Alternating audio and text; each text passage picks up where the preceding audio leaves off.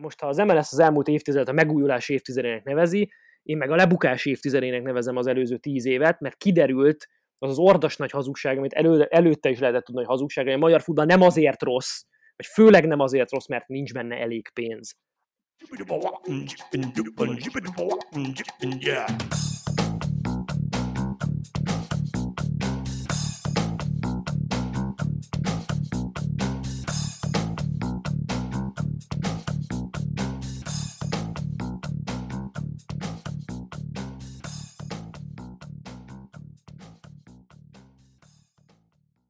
Sziasztok! Ez itt a Zicsere 24.hu focis podcastja.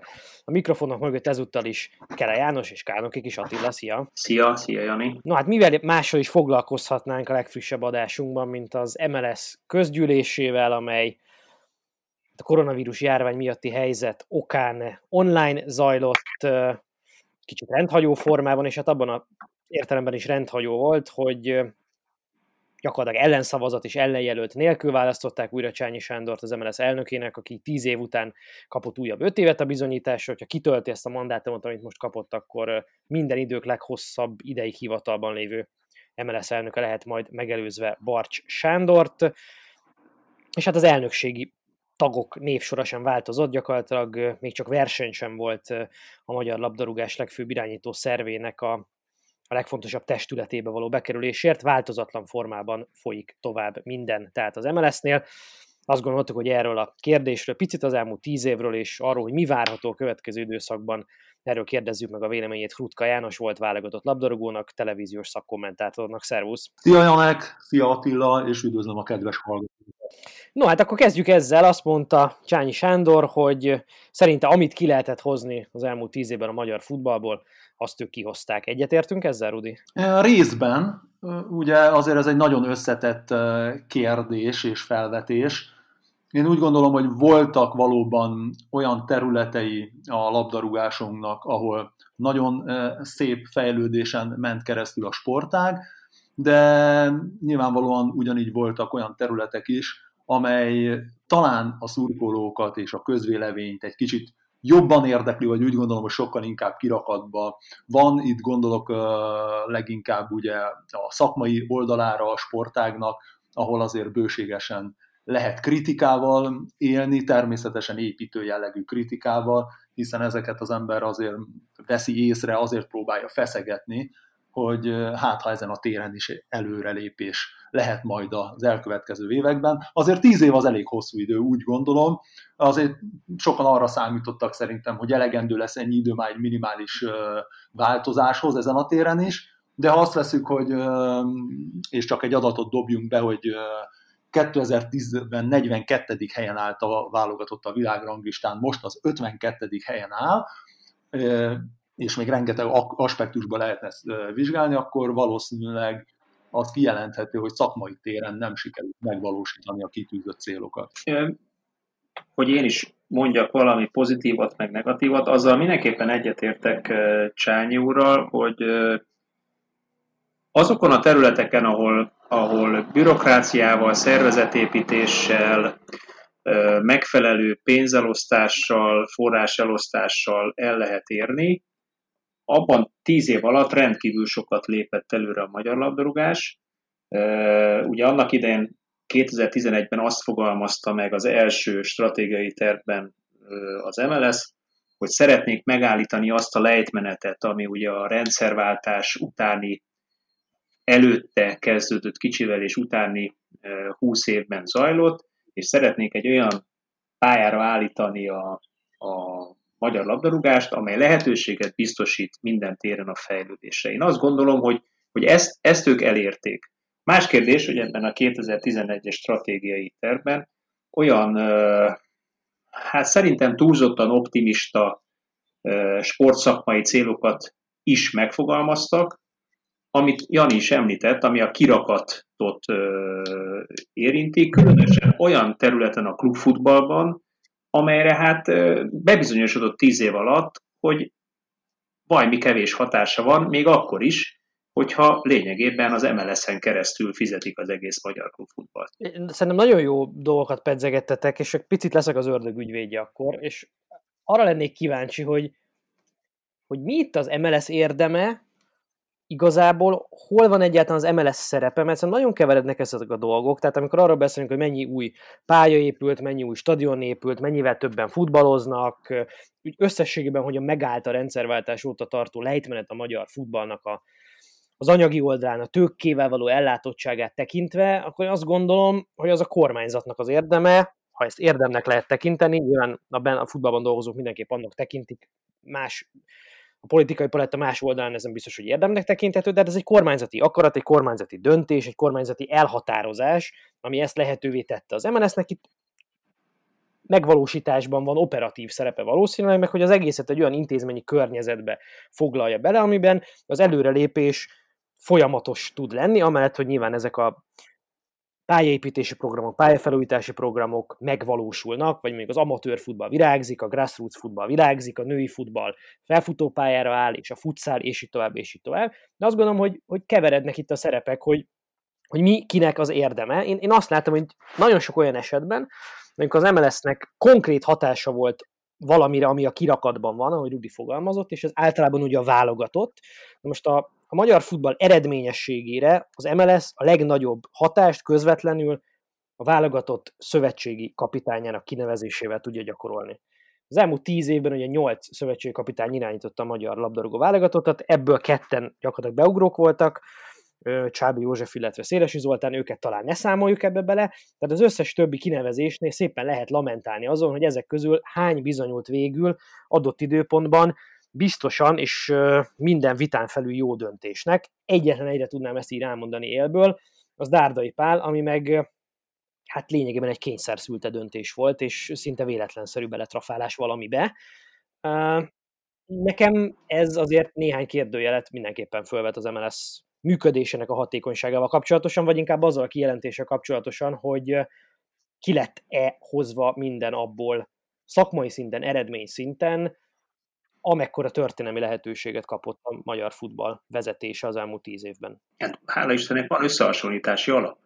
Tehát, hogyha azt nézzük, hogy egy kormánynak az a feladata, hogy bizonyos területek, piaci területek, vagy egyéb ágazatok mellett letegye a voksát, és azt mondja, hogy kiemelt ágazat, akkor ugye ezt megtette ugye a sporttal, a labdarúgás a legjelentősebb részével, de egyébként mondjuk az olimpiai sportákkal is. Ugye ugyanebben az időszakban, pont 2010-ben jelenték ki a Magyar Olimpiai Bizottságot is arra a feladatra, hogy vegye át a teljes magyar sportnak a finanszírozását vagy irányítását, azon túl, hogy egyébként a kormány, miután a sport kiemelt ágazat, a finanszírozást is mellé teszi.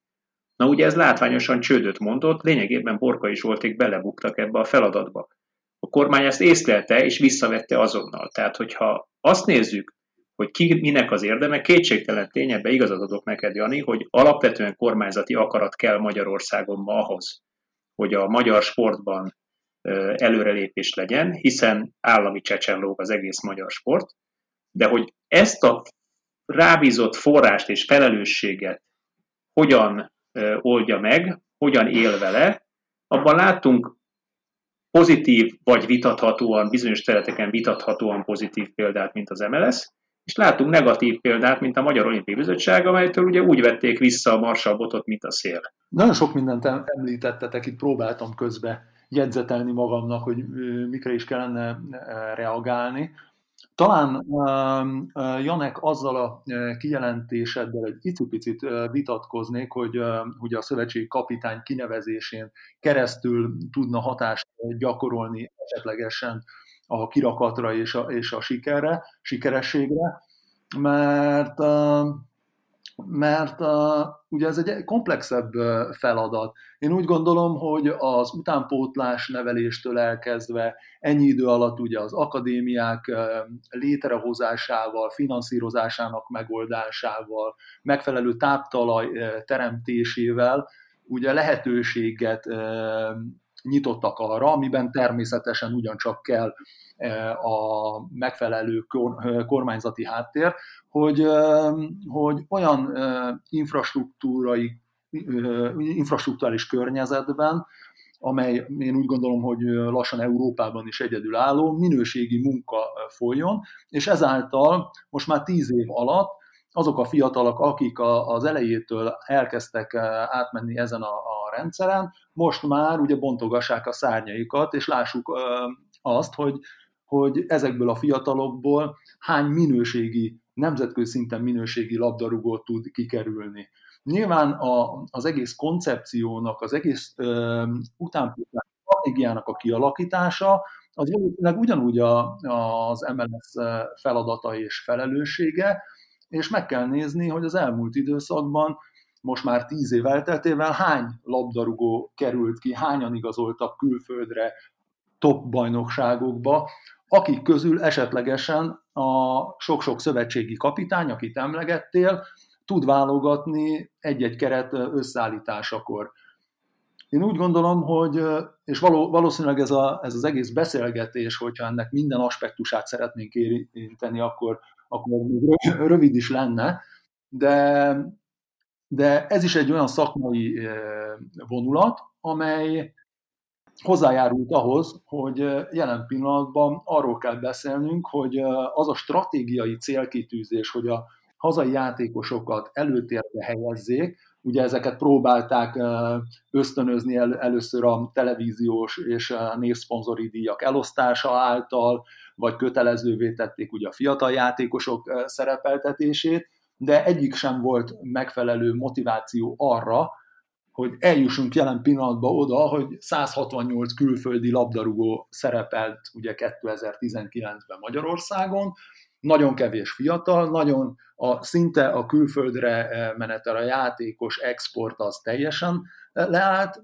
és ezért hiába is lenne nagyon jó szövetségkapitányunk, ugyanabból a pár fiúból, ugyanabból a pár játékosból tud válogatni, akik évek óta kint játszanak most már, sőt, hozzá kell tenni, nem megbántva senkit, a legtöbb esetben nem is játszanak saját csapataikban.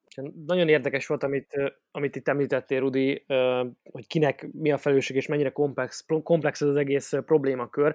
Ugye Attila is írt erről egy cikket a 24.hu-n, azt hiszem, hogy valami olyasféle volt talán a címe is, de a végkicsengése biztosan, hogy hát éppen abban nem sikerült erről lépni talán jelentősen, vagy észrevehetően, amiben a legjobban kellett volna, és én egy Facebookos posztomban is nagyjából arra futtattam ki az eszme futtatáson végét, hogy igen, hát rengeteg stadion épült, rengeteg a pénz, elvégezték az infrastruktúrális megújulást, amit pénzzel meg lehetett venni, az megvan, azt össze tudjuk írni, a számba tudjuk venni, amihez pénznél valamivel több kellene, egy kis vízió, verseny, innováció, szervezeti tudás, ilyesmi, azok, mint a hiányoznának, és csak egyetlen példát említek erre, mert sokan nem értették ezt a, ezt a kifejezésemet, előkerült az NB1-es bajnokságnak a nézőszáma, ugye 2800 környékén volt a liga mérkőzésének átlagos nézőszáma 2010-ben, ugye most 3300-at már átlépte az idei szezonban. Ez nyilván óriási kudarc, mert hogy itt 8-10 ezeres átlagos nézőszámok voltak tervezve a stratégiai dokumentumban 2011-ben, hogy mi alapján azt én nem tudom, ne kérdezze senki. Hát nyilván ez azért kellemetlen az MLS-nek is. Azért Janek, annyit egy gyorsan hozzá, hogy a 2011-es, 12-es szezonban azért 3800 fölött volt az átlag nézőszám, de tény és való, hogy előtte-utána ott 3000 környékén billeget, most is ezt teszi ugye évek óta, úgyhogy ezen a téren sem sikerült több embert mozgósítani, egy sokkal kedvezőbb infrastruktúrális környezetben már. Na ugye itt az infrastruktúra az egyik kulcs, mert ugye, ugye a tízezertől nagyon messze vagyunk, és uh, nyilván sok mindenkinek feltűnik, és aztán Csányi Sándor is erről nyilatkozott, és hát azt mondta, hogy nyilván itt a rengeteg pályaépítésnek, új stadionépítésnek, albérletbe költözés a csapatoknál, hát ez azt eredményezte, hogy a nézők elelmaradoztak, mert hát nagyon sok csapat nem tudott az otthonában játszani mérkőzéseket hosszú időn keresztül. Itt tényleg csak az a tiszteletteljes kérdésem van ezzel kapcsolatban, hogy amikor megcsinálták ezt a víziót, akkor nem tudták, hogy stadionokat fognak építeni, tehát nem tudták a jobb kezükkel mit fog csinálni a bal, vagy, vagy és, és ha, ha tudták, hogy stadionokat fognak építeni, akkor nem fordult meg ez a fejükben, hogy akkor lehet, hogy el kellene időben ezt tolni addig, amíg fölépülnek ezek a stadionok, és majd utána nézőszámbeli elvárást támasztani saját magukkal szemben. Tehát én azt gondolom, hogy ez elég nagy dilettantizmusra val, hogyha így készül egy sportági stratégia, hogy ez ilyen szinten, ennyire alapszinten nincsen végig gondolva valami, és aztán persze most lehet itt a kezünket tördelni, mert teljesen légből kapott számokat írtunk be egy dokumentumba, aminek a közelében nem voltunk, és nyilván ennek megvan a maga prózai oka, és azt gondolom, ezt mindenki meg is érti, hiszen a épüles nem, tud nem tudnak benne nézők lenni, és hogyha tíz csapatnál épül stadion, akkor a, a ligának az össznéző száma sem fog emelkedni, csak, csak tényleg az az ember kérdése, hogy ők nem tudták, hogy egyébként mit fognak csinálni? Szerintem sokkal inkább az a kérdés, hogy erre a futballra kíváncsi-e több néző. Pont ezt akartam mondani én is. És itt, és itt vissza is csatolnék az előző fölvetésedre, Jani, hogy, hogy szögezzük le, tehát a nézőszám a mai magyar élfonalban kétségkívül kudarc, bár nem jellemzően magasabb vagy alacsonyabb, mint mondjuk a környező korábbi szocialista országokban, most itt a szomszédos országokról beszélünk, de ettől függetlenül kudarcnak élem meg. De amit, amit a Jani mond, az tökéletes, vagy a Janek, vagy a, na, hát akkor mind a ketten Jánosok vagytok a fenevinnél. amit a Krutka Jani mond, szerintem abban az igazság, és itt rögtön visszacsatolnék oda, amit egyébként maga Csányi úr is elismert, hogy a szakemberképzésben jelentős lemaradás van, és azt ő kifejezett problémának látja, hogy ebben nem sikerült előrelépni, hiszen kire kíváncsi a néző? A. Arra, akit ismer, magyar játékosra, akinek kötődése van, lokálisan. Az Zalaegerszegi, az Zalaegerszegire kíváncsi. Ezt lehet demagógiának is mondani, de tényleg így van. Azokhoz a csapatokhoz jobban kötődnek általánosságban, ahol több saját nevelésű játékos van. Ahhoz, hogy saját nevelésű játékos eléri az NB1-es szintet, ahhoz olyan képzési metodika, szakembergárda, erkölcsi, morális és szakmai tudás szinten megáldott szakembergárda kell, aki képes fölnevelni ezeket a játékosokat. Ez nem elég egy klubnál. Kellene legalább 100-150 ilyen klub, ahol ilyen alkalmas emberek vannak ahhoz, hogy azt a, a piramisnak azt a csúcsát, amelyik az U16-os korosztályban már látszik, hogy alkalmas lehet arra, hogy elérjen a felnőtt futballba, be is vezesse a felnőtt futballba. Ehhez tudatos menedzsment kell. Mindenkinek meg kell találni az adott élettan idejében a saját szintjét, hogy hol játszol. Ott neki játszani kell. Na most a legnagyobb probléma nyilvánvalóan ebbe van, ezt maga Csányi is elmondta, hogy nem játszanak ezek a játékosok, tehát nem is lehet azt várni, hogy oda kerüljenek. Ha nem kerülnek oda, akkor bizonyára nem lesz 8-10 ezer néző Magyarországon, maximum a Ferencváros stadionban átlagos. De abszolút igazat adok neked, Attila, csak egy picit olyan érzésem van, most, most megint én leszek a rossz indulatom, mint hogyha a Magyar Tudományos Akadémia elnöke így két elnöki ciklus után rájönne a másodfokú egyenlet megoldó képletére. Tehát ezek azért olyan evidenciák, amiket most itt elmondunk, amiket ti, ti ketten szerintem tíznél is több éve mondogattok folyamatosan, nagyon jogosan, de még én is mondogatom ezeket évek óta. Tehát, hogyha most jön rá valaki tíz évnyi MLS elnökség után, hogy túlbecsültük az edzők tudás szintjét, Hát... Nem, nem becsülték eléggé alá. Szerintem nem becsült eléggé alá. Nagyon nagy különbség, hogy túlbecsültük, vagy nem becsültük eléggé alá. Szerintem az utóbbi történt, hiszen ugye az edzőképzésben, na ott aztán volt kapkodás, ugye több edzőképzés vezető, tehát lehet látni, hogy azért tíz év alatt keresték ott a megfelelő embereket és a megfelelő irányvonalat, de egész egyszerűen arra a tehetetlen tömegre, amit Magyarországon az a 3-4 ezer edző jelent, amelyik egyébként nem az élvonalban vagy a másodosztályban edzősködik, hanem pont azért lenne felelős, hogy az utánpótlást megfelelő képzettséggel látja el, neveljen olyan gyerekeket, akik tudják a futball ABC-t, és aztán a képességüktől, mentális, fizikai képességtől függően eljutnak A, B vagy C szintre, na ezeket valóban föl is neveljék. Itt, itt hibázik a dolog, és én azt látom, hogy ez egy olyan tehetetlenségi erő vagy tömeg, amit borzalmasan nehezen lehet megfelelő irányba terelni. Nekem lenne rá egyébként megoldási javaslatom, tehát ugye a, a magyar sport mindig is úgy működött, hogy központosított. Tehát, hogyha kiemelek mondjuk, maradjunk a nyolc akadémiánál, nyolc akadémiát, és oda egyébként klasszikus HR módszerrel kiválogatom Magyarországnak, vagy esetleg még külföldről is azt a mondjuk 8x12 szakemberét, és ez nem több valóban 100 embernél, aki valóban ért a kiválasztáshoz, aki valóban ért a, a gyerekneveléshez, akkor az ő kezükbe kellett volna adni ezt a részt.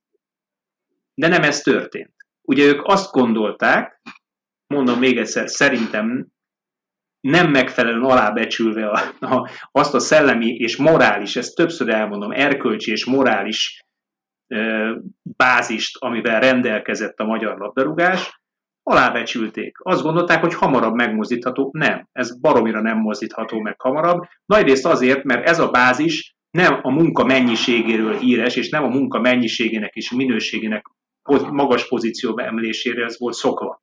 És innen nagyon nehéz ebből a mélységből megindítani egy tudásbázist fölfelé. Azt azért ne felejtsük el, hogy, hogy azért az alapok letételéhez én úgy gondolom, hogy jó irányban indult el az MLS, azért említsünk nyilván, mert nagyon sok pozitívum is volt. Szóval valóban, amit Janek, te is említettél, a amatőr létesítményfejlesztéstől, a társadalmi bázis szélesítésén át, stadionépítés, finanszírozás megoldása, vagy akár az átlátható gazdálkodás, a szervezeti felépítés, a szabályozottsága az egésznek, ez volt az alap ahhoz, hogy meg, megteremtsék egy jó munkának a táptalaját. És és ez nagyon jól is működött. Ugye készült 2015-ben egy tanulmány, amely az addig végzett munkát nézte, és ugye ott ezt említették is, hogy milyen erőlépések történtek az azt megelőző pár évben.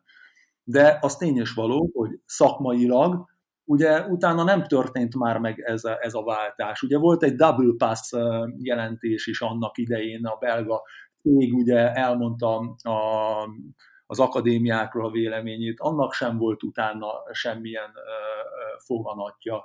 Én nem láttam különben abban sem az előrelépés, már őszinték akarunk lenni, a szakmai vonulatát az egésznek a, a szövetségen belül, ugyan arra a vezetésre, ugyan azokra az emberekre próbálták rábízni, ugyanattól az emberektől váltak változást, akik már korábban is réges-régóta ugye a magyar futballban tevékenykedtek.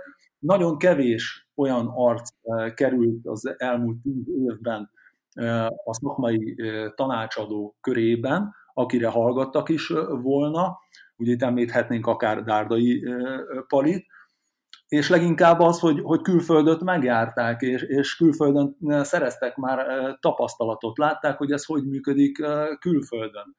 Ugye azt hittük, hogy ezt majd mi, ugyanúgy, mint a többi szegmensét is az építkezésnek, ugyanúgy meg fogjuk tudni oldani. Nagyon érdekes, amit Rudi említesz, hogy és, és nekem ez egyik veszőparipám, hogy elképesztően sok pénz el lett költve, lényegében úgy, hogy visszacsatolás a rendszerben egy külsős, megbízott belga cég jelentésein keresztül volt. Az is azt gondolom, hogy ilyen rókafogta csoka módon került a rendszerbe, tehát mikor már láttuk, hogy nem nagyon jönnek az eredmények, meg ugye ilyen, ilyen sporadikusan mindig, amikor jön egy-egy rosszabb eredmény, akkor az MLS így, így gyorsan úgy csinál, mint hogyha valami megváltoztatna. Kedvenc példám ez az a adhok bizottság, amit a legutóbb akkor hívtak össze, amikor ugye kikapott Márko Rossi válogatott, hogyha Finnországban az első Tamperei serelt, sere, nemzetek ligája mérkőzésén, akkor ugye megint úgy tűnt, hogy hát itt nagyon-nagyon nagy baj van, akkor, akkor gyorsan megint összetrombitálták ezt az adhok bizottságot, ami azokból a nevekből áll, akiknek a legjobb, a legnagyobb reputációja van Magyarországon a szurkolók körében, tehát itt a Dárdai Pali, a Szabics Imre, a Lőv Zsolt, Nyilasi Tibor és a, to- és a többi, és azt nem tudom, ti hallottatok-e azóta erről az adhok bizottságról, mert én nem, tehát elkezdtek jobb eredmények születni, aztán azóta erről megint nincsen szó. Szóval, hogy a lényeg az, és erre akartam kiukadni, hogy, hogy, hogy zajlik egy munka, elképesztően sok pénz van elköltve, bizonyos célok mentén, úgy, hogy én nem látok, és én és próbáltam megkeresni ezt a levelet, szerintem már több mint két évvel ezelőtt írhattam az MLS-nek kérdések formájában, arról, hogy milyen indikátorrendszer van a, a, az utánpótlás fejlesztésben, egyáltalán sporták fejlesztésben az MLS-nél. Tehát, hogy milyen mérföldkövek vannak a teljesítménynek, mivel mérik, hogy haladunk-e, jó irányba haladunk-e, mi a visszacsatolás, mi a, mi a büntetés, ha valaki nem jól használja fel a pénzt. Vagy nem, nem büntetés itt a jó szó, hanem egyáltalán a számunkérés az milyen formában van beépítve ebbe a rendszerbe. Mert most eljött a double pass, megmérte, hogy nem jó, nem jó dolgozik ez az akadémia, meg az az akadémia, és tehát nem történt semmi. Tehát továbbra is az az akadémia kapja a legtöbb pénzt, vagy, vagy rengeteg pénzt kap, amelyik kimutatta független szakértő szervezete nem dolgozik jól. Tehát én azt látom, hogy, és, és ez meg ahhoz kapcsolódik, amit Attila mondott korábban, hogy, hogy most jönnek rá olyan evidenciákra, vagy most döbbennek rá olyan dolgokra, hogy azt ők elmérték, túlmérték, nem becsülték eléggé alá, most majdnem mindegy ennek az előjele, de hogy nem úgy kezdődött a magyar futball fejlesztése, hogy na, gyerekek, itt tartunk, ebben vagyunk jók, ebben nem vagyunk jók, ebben meg még annál is sokkal rosszabbak vagyunk, és ezt és így, és emiatt így kellene csinálni, ahogyan, hanem költsünk rá sok pénzt, aztán majd lesz valahogy, mert eddig azért voltunk rosszak, mert nem volt a magyar labdarúgásban pénz.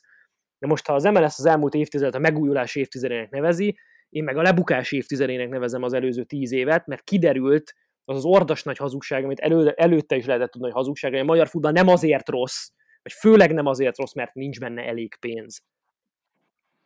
Hogy aztán most megérte ez a tanulópénz, azt mindenki döntse el, de szerintem ez derült ki az előző tíz évben. Én, én visszacsatolnék oda, hogy, hogy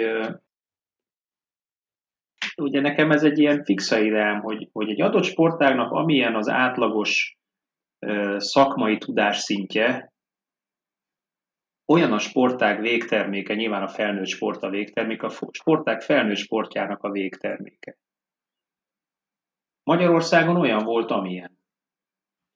Jelenállás szerint úgy tűnik, hogy még azokban az időkben, amikor jóval kevesebb volt a pénz a magyar sportban, azért csak-csak kitermelődött egyéni akarat mentén egy-egy olyan játékos, aki ugye külföldön meg tudta vetni a lábát. Persze azóta a külföld roham léptekkel szaladt el a magyar labdarúgás mellett. Ma már szinte nem is nagyon tud magyar labdarúgó kimenni külföldre felnőtt fejjel, maximum gyerekfejjel, az vagy gyökeret ver ott, vagy nem.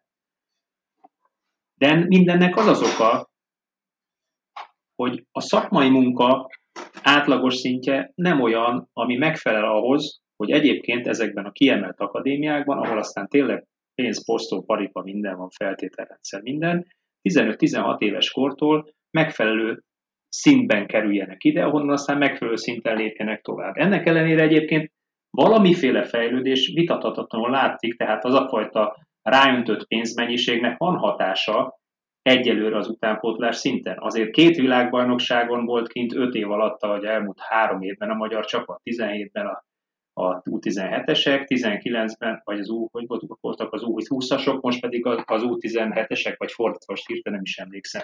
Tehát ilyenre azért nagyon régen volt példa, hogy korosztályos világbajnokságra jusson ki magyar csapat. Tehát azért valamiféle a központosításnak annak, hogy nyolc kiemelt akadémia van, és oda valahogy az úgy gondolt tehetségesek jutnak, azért egy nagyobb versenyhelyzetet terem, ami ugye az egész sportnak az alapja.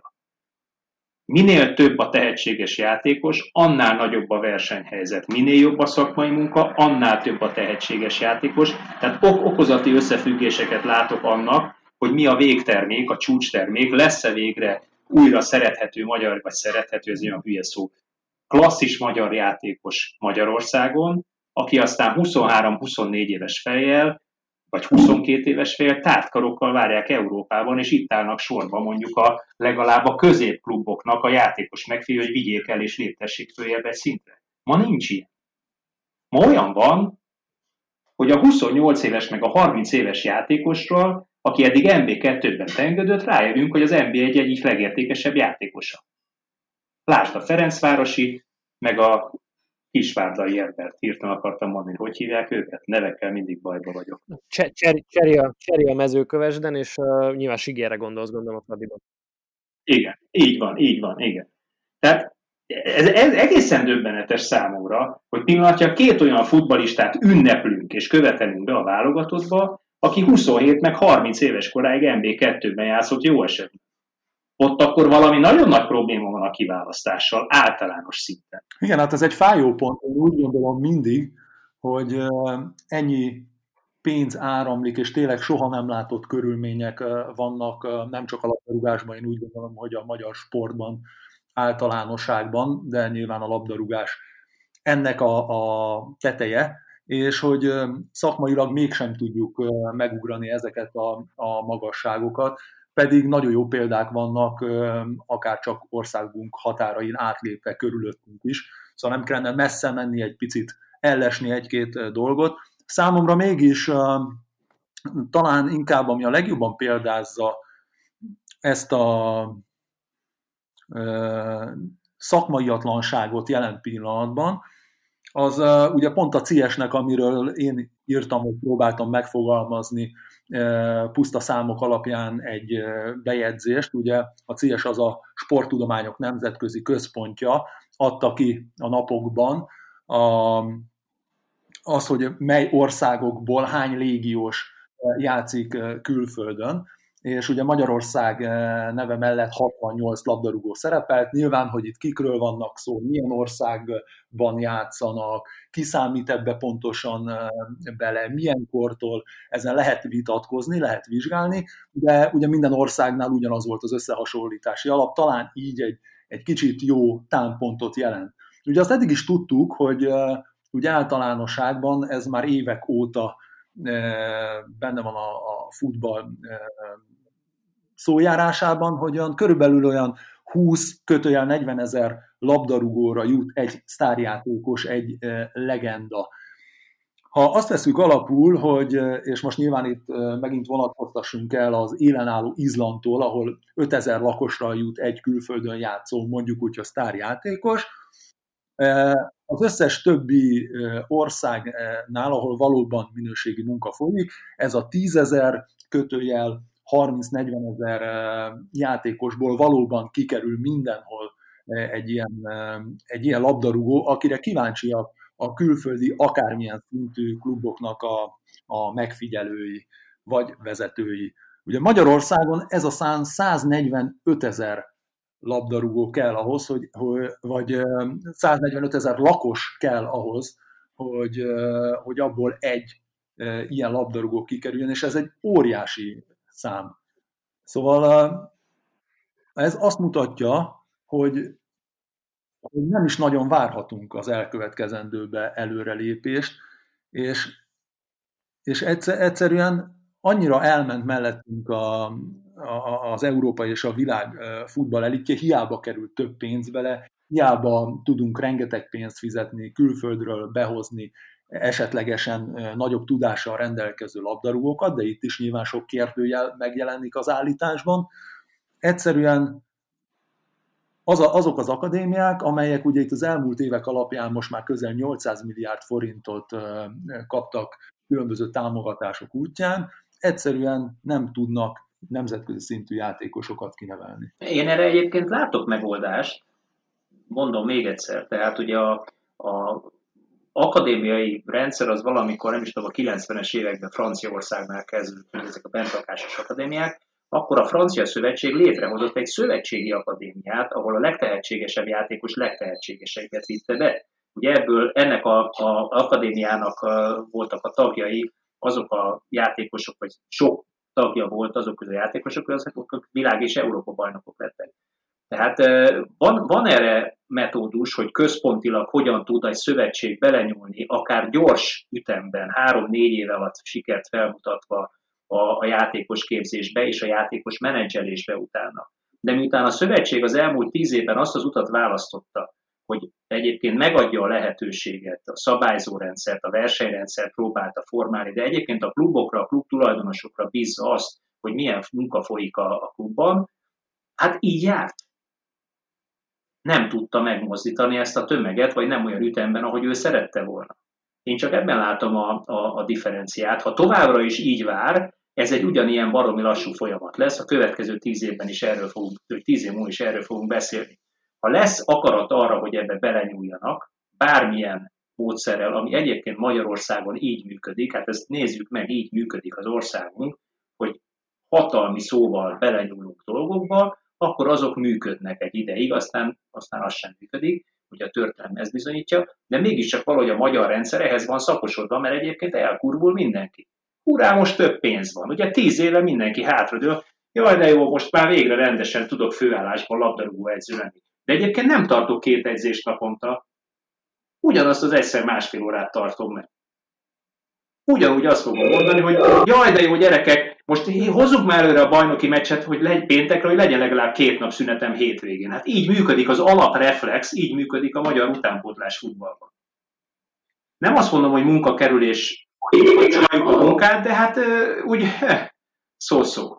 Lényegében az itt a vitatárgya köztünk, ha jól értem Attila, hogy én azt, vagy azt próbáltam eddig mondani, hogy azért amiket mi itt megállapítunk, ezeket 2010-ben is lehetett tudni. Tehát az, hogy a magyar futballközeg egészen az utánpótlási bezárólag tudáshiányos és kultúrahiányos, meg a munkaerkölcs szempontjából küzd kihívások, azt lehetett tudni.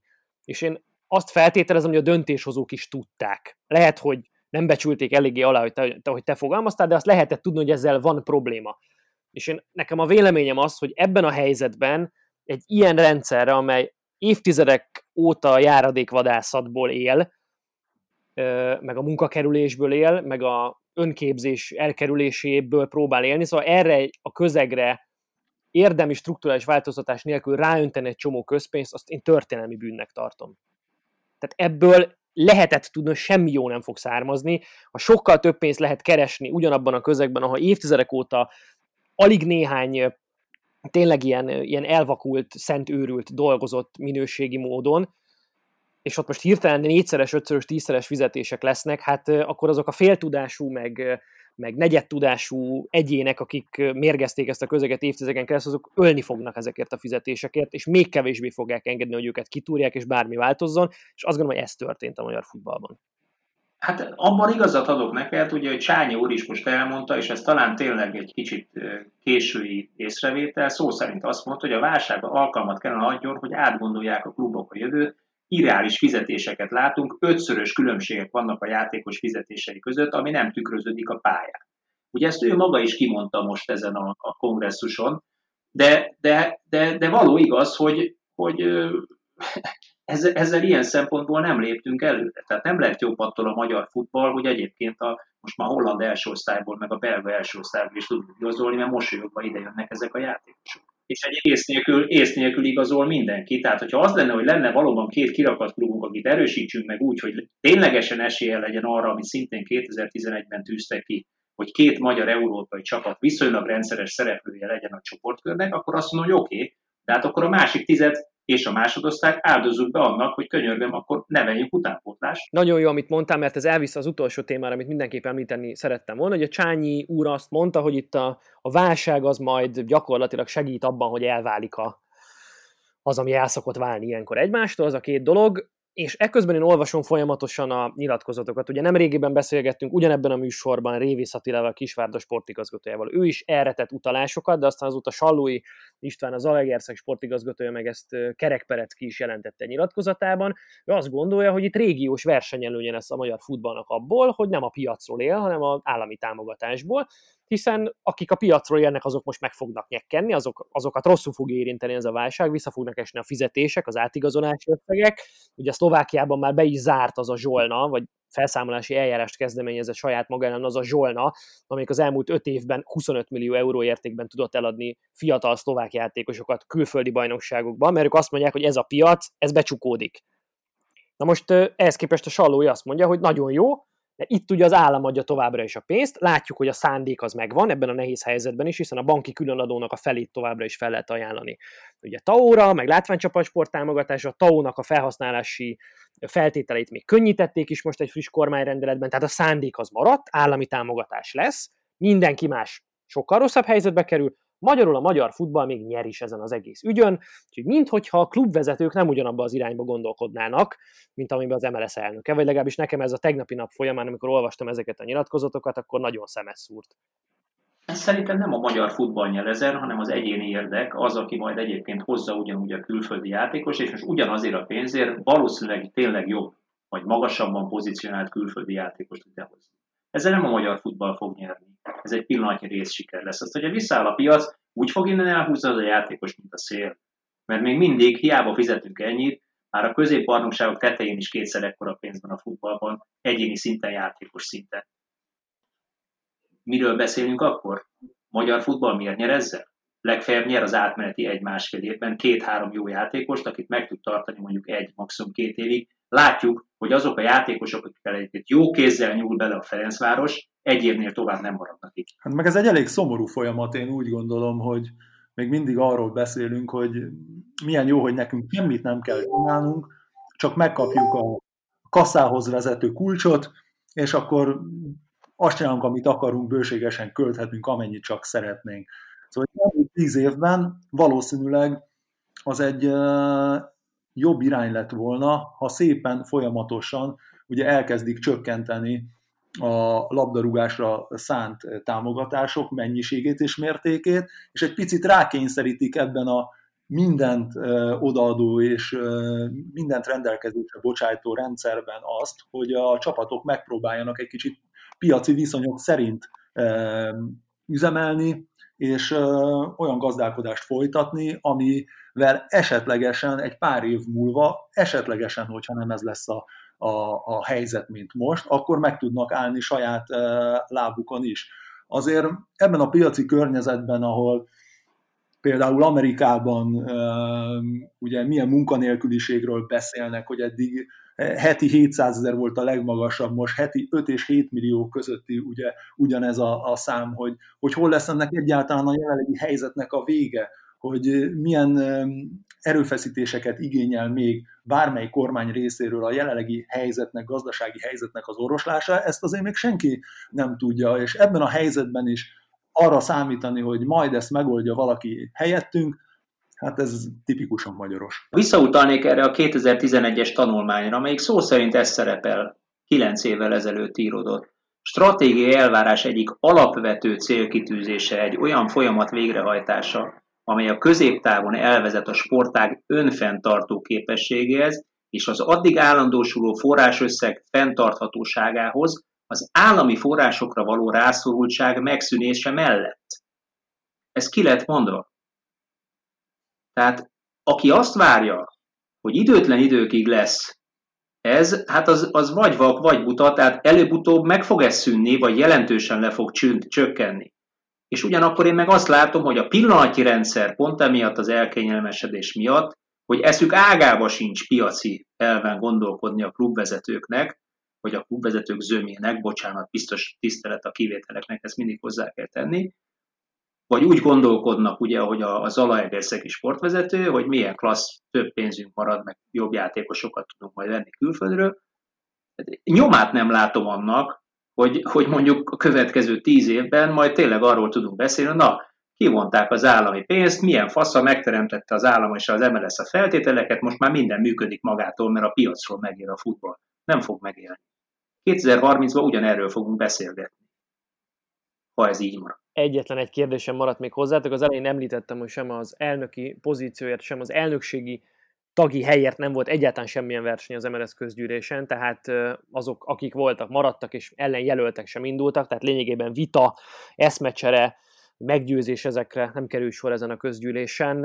Ez nektek mit üzen? Hát, hogy ez egy zárt kör, és nagyon nehéz bekerülni. Nyilván valóan azért az a sok jó, ami történt a magyar labdarúgásban, az összekovácsolta ezt a, ezt a kört, és, és aki ugye megteremtette ennek az egésznek a, a hátterét, az nyilván szeretné a saját emberei által folytatni ezt a, ezt a munkát. Én ebbe tényleg nem látok olyan sok rosszat bele, mint amit esetleg a kérdés feltevés takart volna, ebben, ebben nincsen semmi rossz, hogyha, hogyha valóban azok a területek, amelyek eddig hiány szenvedtek, változást mutatnának, és ez a rengeteg pénz most már szakmai vonalon is megmutatná a hatását, akkor úgy gondolom, hogy senki nem szólhatna egy szót sem. Én visszacsatolnék arra, amit egyszer már mondtam, tehát hogyha ugye a, a kormány adja a pénzt ilyen-olyan formában,